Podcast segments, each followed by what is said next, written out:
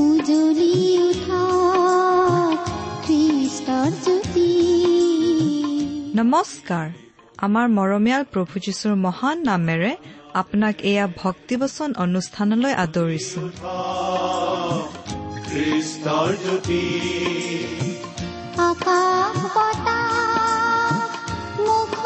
কৰি গাঁও হাৱে মিলি প্ৰশংসা গীতি গাঁও সবে মিলি প্ৰশংসা গীতি আজিৰে পবিত্ৰ ক্ষণতে উজলি উঠা খ্ৰীষ্টৰ জ্যোতি ঈশ্বৰে আপোনাক যি অসীম প্ৰেম কৰিলে তাক যদি অনুভৱ কৰিব বিচাৰে আৰু তেওঁৰ অগম্য বাক্যৰ মৌ মিঠা সোৱাদ ল'ব বিচাৰে তেন্তে আহক আজিৰ ভক্তিবচন অনুষ্ঠানটো মনোযোগেৰে শুনো।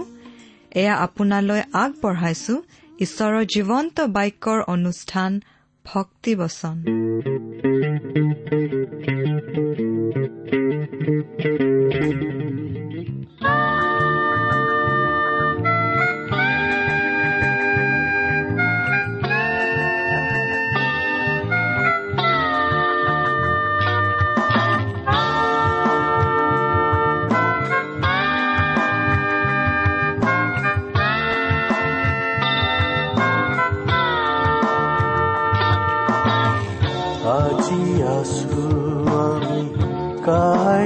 নাই।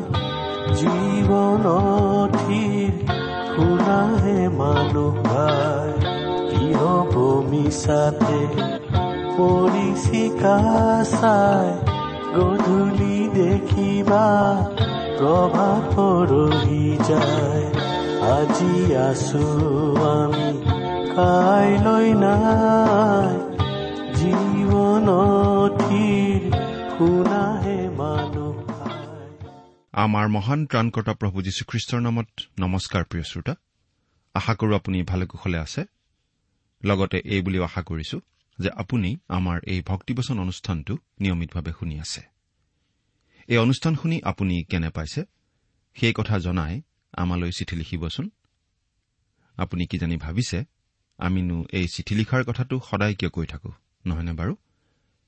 আচলতে আমি শ্ৰোতাসকলৰ পৰা চিঠি পালেহে জানিব পাৰো। আমাৰ এই অনুষ্ঠানটো ৰাইজে শুনি আছে বুলি? লগতে এই অনুষ্ঠানটো শুনি কেনে পাইছে সেই বিষয়ে আমি জানিব পাৰো। কোনোবাই শুনি উপকৃত হোৱা বুলি শুনিলে আমি কাম কৰি যাবলৈ দুগুণ উৎসাহ পাওঁ। গতিকে অনুগ্ৰহ কৰি আজি এই দুখাৰিমান লিখি পঠিয়াওকচোন। খ্ৰীষ্টীয় বিশ্বাস সম্বন্ধে কিবা জানিবলগীয়া কথা থাকিলেও আমালৈ লিখিব পাৰে। আমাৰ ঠিকনা? ভক্তিবচন টি ডাব্লিউ আৰ ইণ্ডিয়া ডাক বাকচ নম্বৰ সাত শূন্য গুৱাহাটী সাত আঠ এক শূন্য শূন্য এক। ঠিকনাটো আৰু এবাৰ কৈছো ভক্তিবচন টি ডাব্লিউ আৰ ইণ্ডিয়া। ডাক বাকচ নম্বৰ সাত শূন্য গুৱাহাটী সাত আঠ এক শূন্য শূন্য এক। আহকচোন আজিৰ বাইবেল অধ্যয়ন আৰম্ভ কৰাৰ আগতে খন্তেক প্ৰাৰ্থনাত মূৰ দুৱাওঁ। আমি প্ৰাৰ্থনা কৰো স্বৰ্গত থকা মহান পিতৃ ঈশ্বৰ তোমাৰ মহান নামৰ ধন্যবাদ কৰো। তুমি সৰ্বশক্তিমান সৰ্বব্যাপী সৰ্বজ্ঞানী ঈশ্বৰ। তুমি আমাক প্ৰেম কৰোতা ঈশ্বৰ। তুমি আমাক ইমানেই প্ৰেম কৰিলা যে আমাক উদ্ধাৰ কৰিবলৈ তোমাৰ একেজাত পুত্ৰ যীশুখ্ৰীষ্টকেই আমালৈ দান কৰিলা। তেওঁ ক্ৰুচত প্ৰাণ দি আমাৰ সকলো পাপৰ প্ৰাচিত্ৰ কৰিলে আৰু তৃতীয় দিনা জি উঠি নিজৰ ঈশ্বৰত্বৰ প্ৰমাণ দিলে। আজি তেওঁত বিশ্বাস কৰি আমি পৰিত্ৰাণ লাভ কৰিব পৰা হৈছো আৰু তোমাক পিতৃ বুলি মাতিব পৰা হৈছো। তাৰ বাবে তোমাক অশেষ ধন্যবাদ পিতা। এতিয়া আমি তোমাৰ মহান বাক্য বাইবেল শাস্ত্ৰ অধ্যয়ন কৰিবলৈ ওলাইছো। প্ৰাৰ্থনা কৰিছো পিতা। তুমি আমাক তোমাৰ বাক্য বুজিবলৈ সহায় কৰা আৰু আমাৰ প্ৰতিজনৰ আগত নিজকে অধিককৈ প্ৰকাশ কৰা। আমাৰ মৰমৰ শ্ৰোতাসকলৰ জীৱনত তোমাৰ আশীৰ্বাদ উপচি পৰিবলৈ দিয়া কিয়নো এই প্ৰাৰ্থনা আমাৰ পাপৰ প্ৰায়চিত্ৰ কৰিবলৈ ক্ৰুচত প্ৰাণ দি তৃতীয় দিনা পুনৰ জি উঠি এতিয়া স্বৰ্গত আমাৰ বাবে নিবেদন কৰি থকা ত্ৰাণকৰ্তা প্ৰভু যীশুখ্ৰীষ্টৰ নামত আগবঢ়ালো।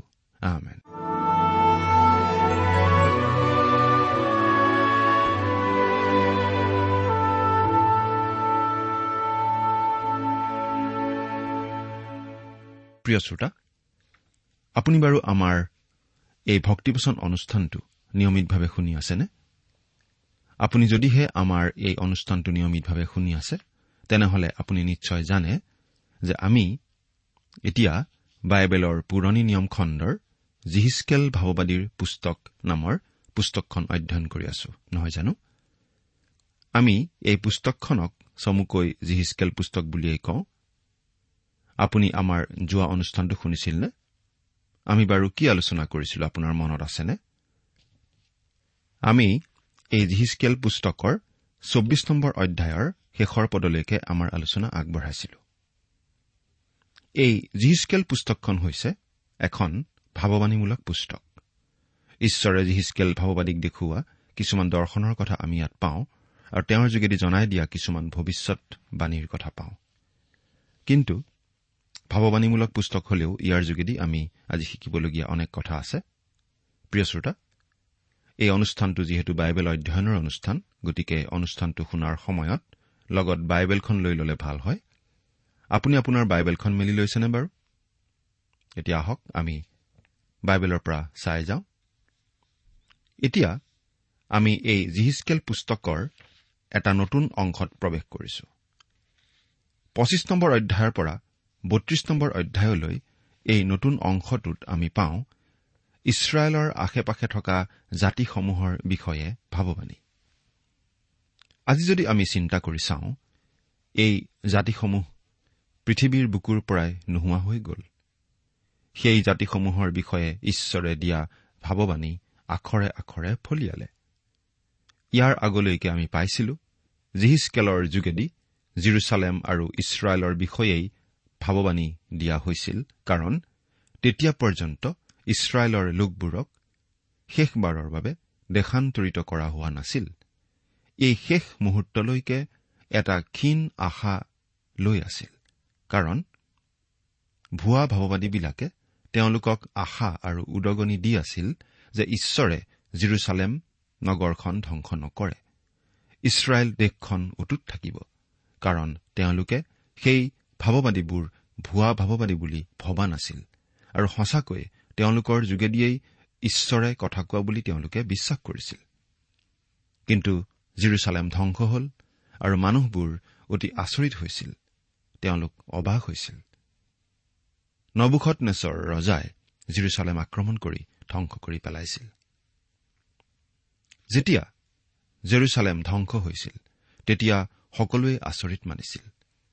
বাবিলত চাগে সকলোৰে মুখত এটা কথাই উচ্চাৰিত হৈছিল যে জিৰচালেম সম্পূৰ্ণ ধ্বংস হৈছে আৰু ইছৰাইলৰ সন্তানৰ অৱশিষ্ট সকলো লোক বাবিলৰ বন্দী হৈছে আৰু বন্দীৰূপে বিদেশলৈ যাত্ৰা কৰিছে।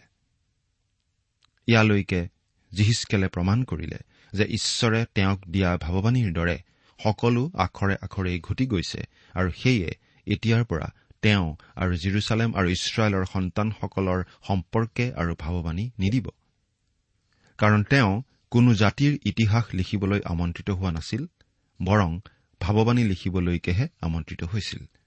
গতিকে এতিয়া জিহিচকেলে ইছৰাইলৰ চাৰিওফালে থকা আন আন জাতিবিলাকৰ ক্ষেত্ৰত ঈশ্বৰে দিয়া ভাৱবাণী প্ৰচাৰ কৰিবলৈ প্ৰস্তুত হৈছে। এই জাতিবিলাকৰ শেষ গতি কি হ'ব? এই অধ্যায়টোত আমাৰ কাৰণে মহৎ বাণী আছে। ঈশ্বৰৰ নগৰ এতিয়া ধ্বংসস্তূপত পৰিণত হৈছে। জিৰিমিয়াই নিশ্চয় সেই ধ্বংসস্তূপৰ ওপৰত থিয় হৈ চকুলো টুকিছিল। তেওঁৰ হৃদয় ভাঙি চুৰমাৰ হৈছিল চকুলোৰে বাট নেদেখা হৈছিল হয়তো। সেইগৰাকী চকুলোৰ ভাৱবাদীয়ে আন এগৰাকী বহল অন্তৰৰ ব্যক্তিলৈ আঙুলিয়াইছিল যিজনে বিশ্ব ইতিহাসৰ আন এটা সময়ত এই জিৰচালেম নগৰৰ চৰমভাৱে দুখ লগা অৱস্থা আগতীয়াকৈ দেখি জৈতুন পৰ্বতৰ ওপৰত বহি নগৰখনৰ ফাললৈ অপলক দৃষ্টিৰে চাই ক্ৰদন কৰিছিল। মনৰ বেজাৰত দুই গালেৰে বৈ নামিছিল অদম্য চকুলো কাৰণ সেই নগৰলৈ ধ্বংস পুনৰ নামি আহিছিল তেওঁলোকৰ জীৱন্ত ঈশ্বৰলৈ পিঠি দিয়াৰ বাবে। আন এগৰাকী ভাৱবাদী তেওঁৰ চকুত চকুলো নাই। তেওঁৰ যে চকুহাল শুকান তাৰ কাৰণ আছে। এই একে সময়তেই তেওঁৰ ভাৰ্যাৰ মৃত্যু ঘটিছিল। বাইবেলে স্পষ্ট ইংগিত বহন কৰিছে যে তেওঁ তেওঁৰ ভাৰ্যাক বৰ ভাল পাইছিল। তেওঁ হৈছে জিহিচকেল ভাৱবাদী ঈশ্বৰে তেওঁক ক্ৰদন নকৰিবলৈ আদেশ দিছিল। ওপৰত দেখাত তেওঁ ডাঙৰ এচপৰা পাথৰৰ নিচিনা আছিল। ঈশ্বৰে তেওঁক তেনেকুৱা ৰূপেই বিচাৰিছিল। ইয়াৰে জিৰিমিয়া আৰু জিহিচকেলে ঈশ্বৰৰ দুটা দিশ প্ৰকাশ কৰিছিল। আমি সেই দিশ দুটা চাব জানিব লাগে। এহাতে আমি দেখিছো ঈশ্বৰ বৰ মৰমীয়াল জিৰিমিয়াৰ নিচিনা আমাৰ প্ৰভু যীশুখ্ৰীষ্ট অতি দয়াশীল আৰু অতি মৰমীয়াল। এজন মানুহো যেন বিনষ্ট নহয় সেইটো আছিল তেওঁৰ বৰ আন্তৰিক ইচ্ছা আৰু তেওঁৰ সেই ইচ্ছা তেওঁ প্ৰমাণ কৰিছিল। কালবাৰীৰ নিষ্ঠুৰ দুডালি কাঠৰ ওপৰত। আমাৰ বাবে নিজৰ জীৱন আহুতি দি। কিন্তু তেনে মৰমীয়াল প্ৰভুৱেও তেওঁক প্ৰত্যাখ্যান কৰা নগৰ আৰু মানুহবিলাকক বৰ কঠোৰ ভাষাৰে গৰিহণা দিছিল। লোক দহ নম্বৰ অধ্যায়ৰ তেৰৰ পৰা পোন্ধৰ পদ আৰু লোক এঘাৰ নম্বৰ অধ্যায়ৰ চৌৰাল্লিছ পদ। তেওঁ যি ভাষাৰে গৰিহণা দিছিল সেই ভাষাই আমাৰ গাৰ নোম ডাল ডাল কৰি দিব পাৰে। আমাৰ চকু আমাৰ কপালৰ ওপৰলৈ তুলিব পাৰে। তেওঁৰ দুটা ফাল আছে দুটা দিশ আছে। তেওঁ আজিও একেই প্ৰভু। আমি তেওঁৰ ক্ষেত্ৰত কেৱল এটা দিশৰেই ধাৰণা পাওঁ যেতিয়া আমি শুনো যে ঈশ্বৰ প্ৰেম ঈশ্বৰ প্ৰেম। এয়া এশভাগৰ এশভাগেই সঁচা কথা। কিন্তু আমি এই কথা কেতিয়াও পাহৰিব নালাগিব যে তেওঁ পবিত্ৰ ঈশ্বৰো। তেওঁ ধাৰ্মিক প্ৰভু আৰু বিচাৰকৰ্তা প্ৰভু। প্ৰেমময় প্ৰেমময় বুলি আমি প্ৰেম নামৰ সৰু যানখনেৰে প্ৰেমময়জনৰ গুৰি পাবগৈ নোৱাৰো। কিন্তু যিগৰাকী প্ৰভুৱে আমাৰ পাপমোচনৰ বাবে কালবাৰীৰ নিষ্ঠুৰ দুডালি কাঠৰ ওপৰত তেওঁৰ তেজৰ সোঁত বোৱালে আমাৰ পৰিত্ৰাণৰ বাবে নিজৰ প্ৰাণ বিসৰ্জন দিলে সেইগৰাকী প্ৰভু যীশুখ্ৰীষ্টত বিশ্বাস কৰি তেওঁক আমাৰ জীৱনৰ পৰিত্ৰাতা আৰু প্ৰভুৰূপে গ্ৰহণ কৰিহে পৰিত্ৰাণ পাব পাৰো। তেতিয়াহে আমি অনন্ত জীৱনৰ অধিকাৰী হ'ব পাৰো। আৰু তেতিয়াহে আমি প্ৰভুৰ ধাৰ্মিকতাৰ দ্বাৰাই আচৰিত হৈ তেওঁৰ সন্মুখত থিয় দিব পাৰো। আচলতে আমি আচৰিত হৈ তেওঁৰ আগত থিয় হওঁ কাৰণ সেই ধাৰ্মিকতা আমাৰ প্ৰাপ্যই নহয়। আমি প্ৰভু যীশুৰ ধাৰ্মিকতাৰ আৱৰণৰ দ্বাৰা আৱৰিত হৈ ঈশ্বৰৰ আগত থিয় হ'ব পাৰো। প্ৰিয় শ্ৰোতা আপুনি যদি তেওঁৰ পৰিত্ৰাণ গ্ৰহণ নকৰে তেন্তে আপোনাৰ বাবে সুধ বিচাৰ থকাৰ বাহিৰে আন একো নাথাকিব। আজি কিন্তু বহু মানুহৰ জীৱন আউল লগা কাৰণ তেওঁলোকে ঈশ্বৰক কেৱল প্ৰেমময় ঈশ্বৰৰূপেহে জানে। তেওঁৰে সৈতে কেৱল তেনেৰূপেহে পৰিচিত হয়। কিন্তু তেওঁলোকে সেই একেজনা ঈশ্বৰক সুধ বিচাৰ কৰোতা ৰজা হিচাপে নাজানে আৰু নাভাবে। সেইকাৰণেই তেওঁলোকে জিহিচকেল পুস্তকখন নেমেলে। এইখন এখন তেওঁলোকৰ বাবে বন্ধ পুস্তক। নৰমপন্থী উদাৰপন্থী বাইবেল শিক্ষকসকলে এই পুস্তকৰ ক্ষেত্ৰত এই বুলি ক'ব খোজে। এইখন পুস্তক পৃথিৱীৰ কোনেও বুজি নাপায়। সঁচা তেতিয়ালৈকে এই পুস্তকখন সেই মানুহবিলাকে বুজি নাপাব যেতিয়ালৈকে সেইখন ঈশ্বৰৰ বচন জ্ঞান কৰি প্ৰাৰ্থনা সহকাৰে অধ্যয়ন নকৰিব। অধ্যয়ন কৰাসকলৰ বাবে অতি মহৎ মহৎ শিক্ষা ইয়াত আছে। আমি সেইবোৰ নজনাকৈ থকা উচিত নহয়। এতিয়া আমি ইছৰাইলৰ সকলো দিশে থকা জাতিবিলাকৰ সম্পৰ্কত দিয়া ভাৱবাণীৰ কথা জানিব পাৰিম। সেইবিলাক জাতিৰ কি হ'ল সেই সম্পৰ্কে গুৰুত্ব আৰোপ নকৰি সেই জাতিবিলাকৰ কোনো কোনোৰ যে পুনৰুদ্ধাৰ হ'ব সেই বিষয়ে যি জানিব পাৰো তাকেই আমি জানিবলৈ চেষ্টা কৰিম। তেনেবিলাক জাতিক কেৱল ঈশ্বৰেহে ঘূৰাই আনিব পাৰে। আৰু যদি ঘূৰাই আনিম বুলি কৈছে নিশ্চয় ঘূৰাই আনিব। এতিয়া আমি পঁচিছ নম্বৰ অধ্যায়লৈ যাওঁ। এই অধ্যায়টোৰ এক নম্বৰ পদৰ পৰা সাত নম্বৰ পদলৈকে আমি পাওঁ অম্মুনীয়াসকলৰ ক্ষেত্ৰত দিয়া ভাৱবাণী।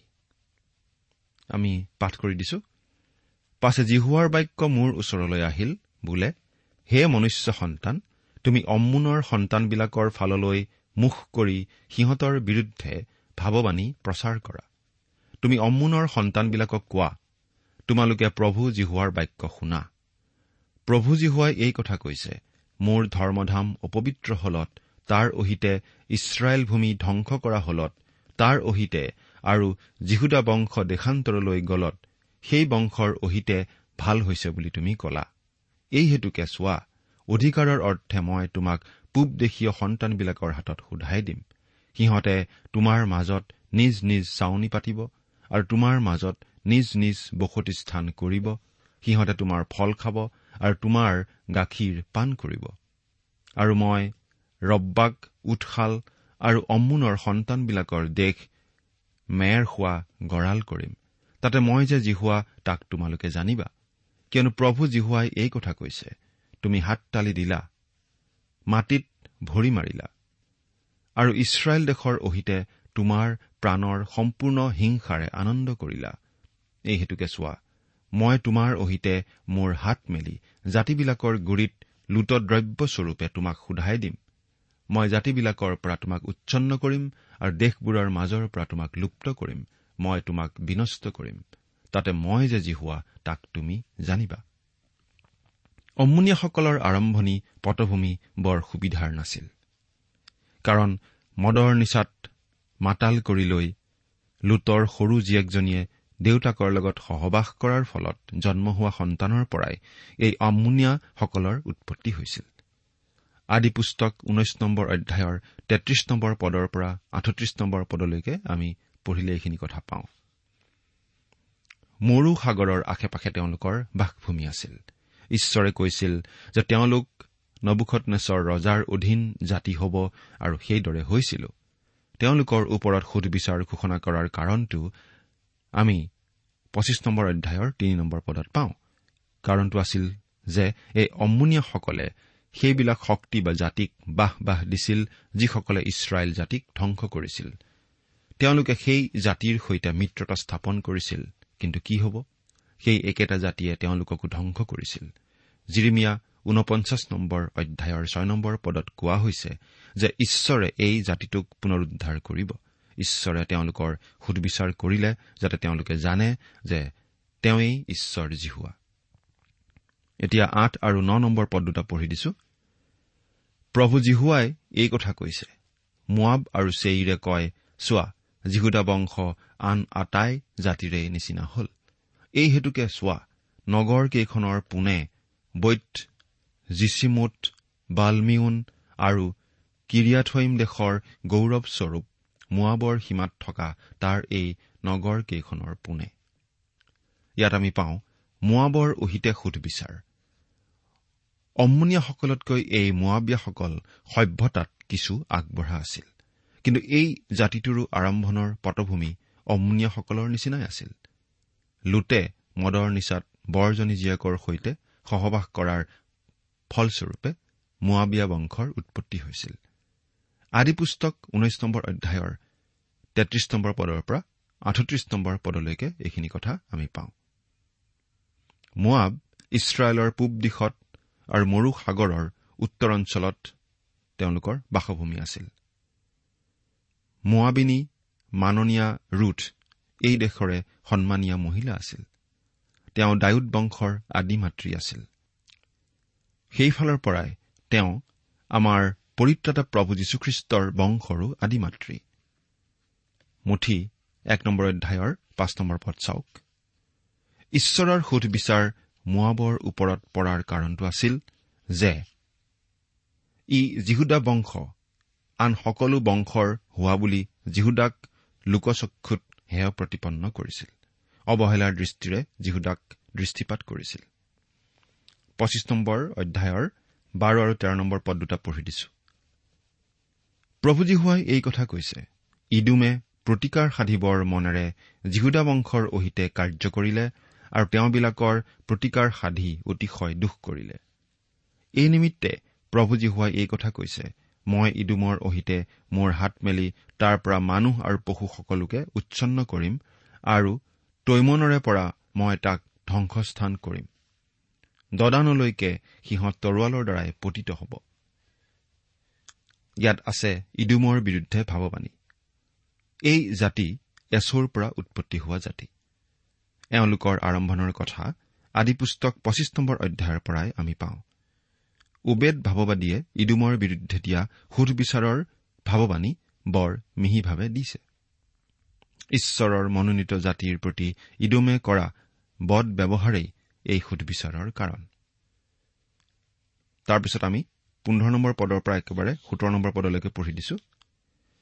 প্ৰভুজীহুৱাই এই কথা কৈছে পলেষ্টিয়াহঁতে প্ৰতিকাৰ সাধিবৰ মনেৰে কাৰ্য কৰিলে আৰু চিৰস্থায়ী শত্ৰুতাৰে বিনষ্ট কৰিবলৈ মনৰ হিংসাৰে প্ৰতিকাৰ সাধিলে। এই নিমিত্তে প্ৰভুজীহুৱাই এই কথা কৈছে চোৱা মই পলেষ্টিয়াহঁতৰ অহিতে মোৰ হাত মেলি কৰেথিয়াহঁতক উচ্ছন্ন কৰিম আৰু সমুদ্ৰৰ কাষত থকা অৱশিষ্ট ভাগক সংহাৰ কৰিম আৰু কোপযুক্ত নানা ধমকি দি মই সিহঁতৰ ওপৰত মহাপ্ৰতিকাৰ সাধিম আৰু মই প্ৰতিকাৰ সাধিলে মই যে জিহুৱা তাক সিহঁতে জানিব। ইয়াত আমি পাওঁ পলেষ্টিয়াবিলাকৰ বিৰুদ্ধে দিয়া ভগৱানী আজি পলেষ্টিয়া বুলি কোনো জাতি সেই দেশত আচলতে নাই। সেইদৰে এওঁলোকৰ ক্ষেত্ৰত দিয়া ভাৱবাণীও আখৰে আখৰে ঘটিছিল। মুঠতে ঈশ্বৰে কোৱা কথা কেতিয়াও বিফলে নাযায়। ভাৱবাদীসকলৰ যোগেদি ঈশ্বৰে যিমানবোৰ কথা জনাই দিছে তাৰে কিছুমান ফলিয়াই গ'ল আৰু কিছুমান ভৱিষ্যতে ফলিয়াবলগীয়া আছে। এতিয়া আমি ছাব্বিছ নম্বৰ অধ্যায়লৈ যাওঁ। এই অধ্যায়টোত কেৱল তুৰৰ বিৰুদ্ধেই সুদবিচাৰ ঘোষণা কৰা আছে।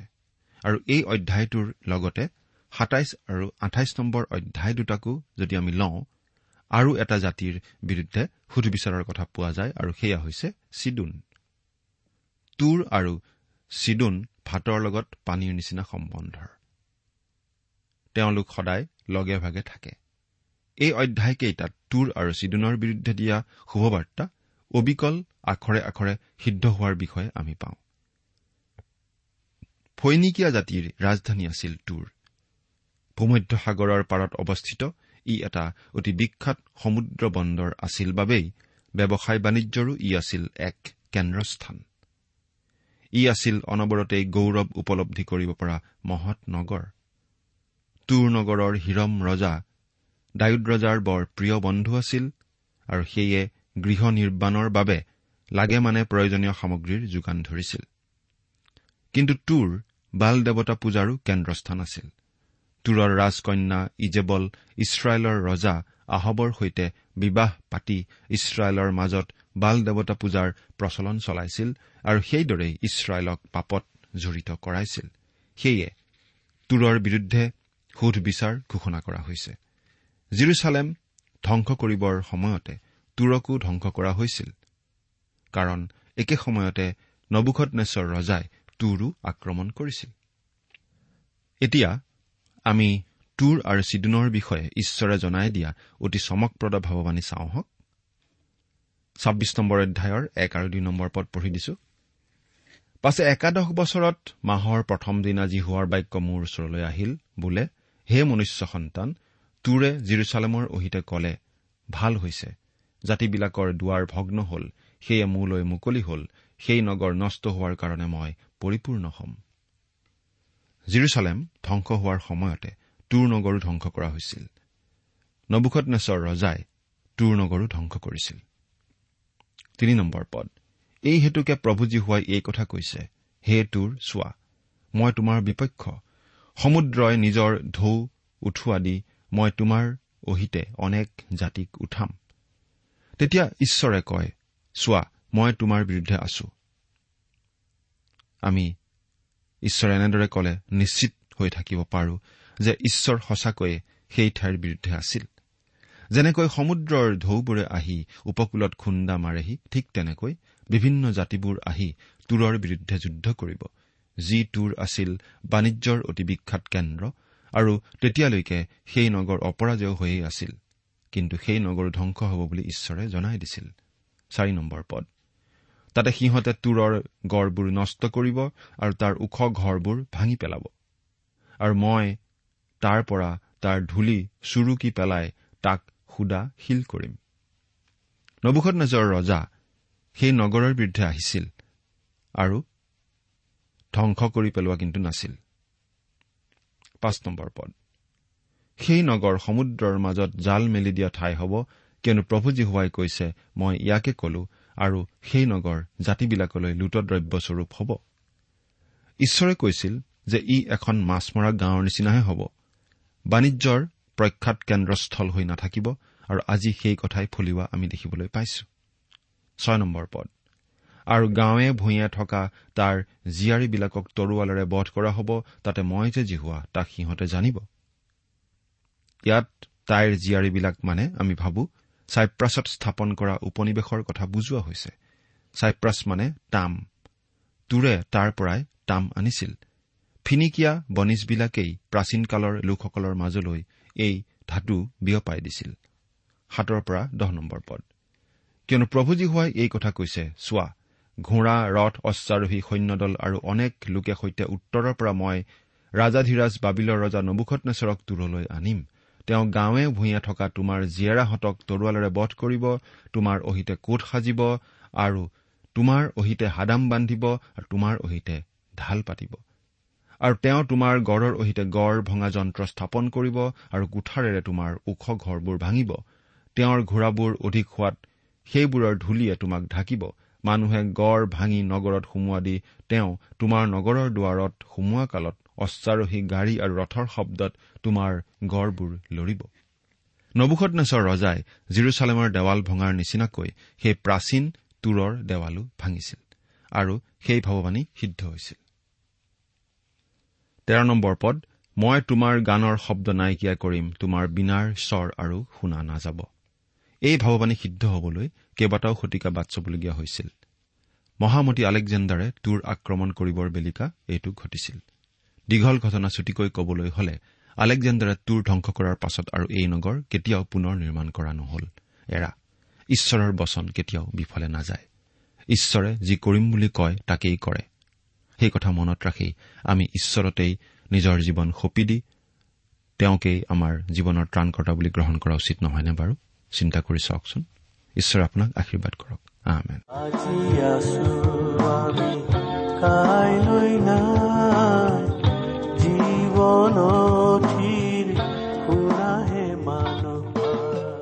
ইমান পৰে আপুনি ভক্তিবচন অনুষ্ঠানটি শুনিলে। অনুষ্ঠানটি শুনি কেনে পালে আমালৈ চিঠি লিখি জনাবচোন? অনুষ্ঠানত প্ৰচাৰ কৰা কোনো কথা বুজিব লগা থাকিলেও আমালৈ লিখক। আমাৰ ঠিকনা ভক্তিবচন টি ডাব্লিউ আৰ ইণ্ডিয়া ডাক পাকচ নম্বৰ সাত শূন্য গুৱাহাটী সাত আঠ এক শূন্য শূন্য এক।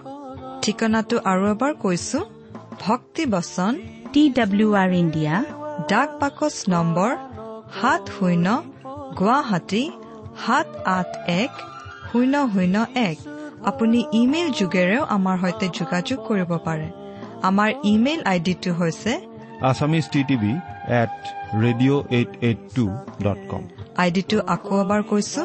Assamese T TV at radio' eight eight two dot com. আপুনি টেলিফোনৰ মাধ্যমেৰেও আমাক যোগাযোগ কৰিব পাৰে। আমাৰ টেলিফোন নম্বৰটো হৈছে শূন্য তিনি ছয় এক দুই ছয় শূন্য চাৰি ছয় সাত এক। ফোন নম্বৰটো আকৌ এবাৰ কৈছো zero' three six one two six zero' four six seven one. আজিৰ অনুষ্ঠানটি ইমানতে সামৰিছো। ঈশ্বৰৰ শান্তি আৰু অনুগ্ৰহ আপোনাৰ লগত থাকক। ধন্যবাদ। কাইলৈ নাই জীৱনথিৰ শুনাহে মানুহ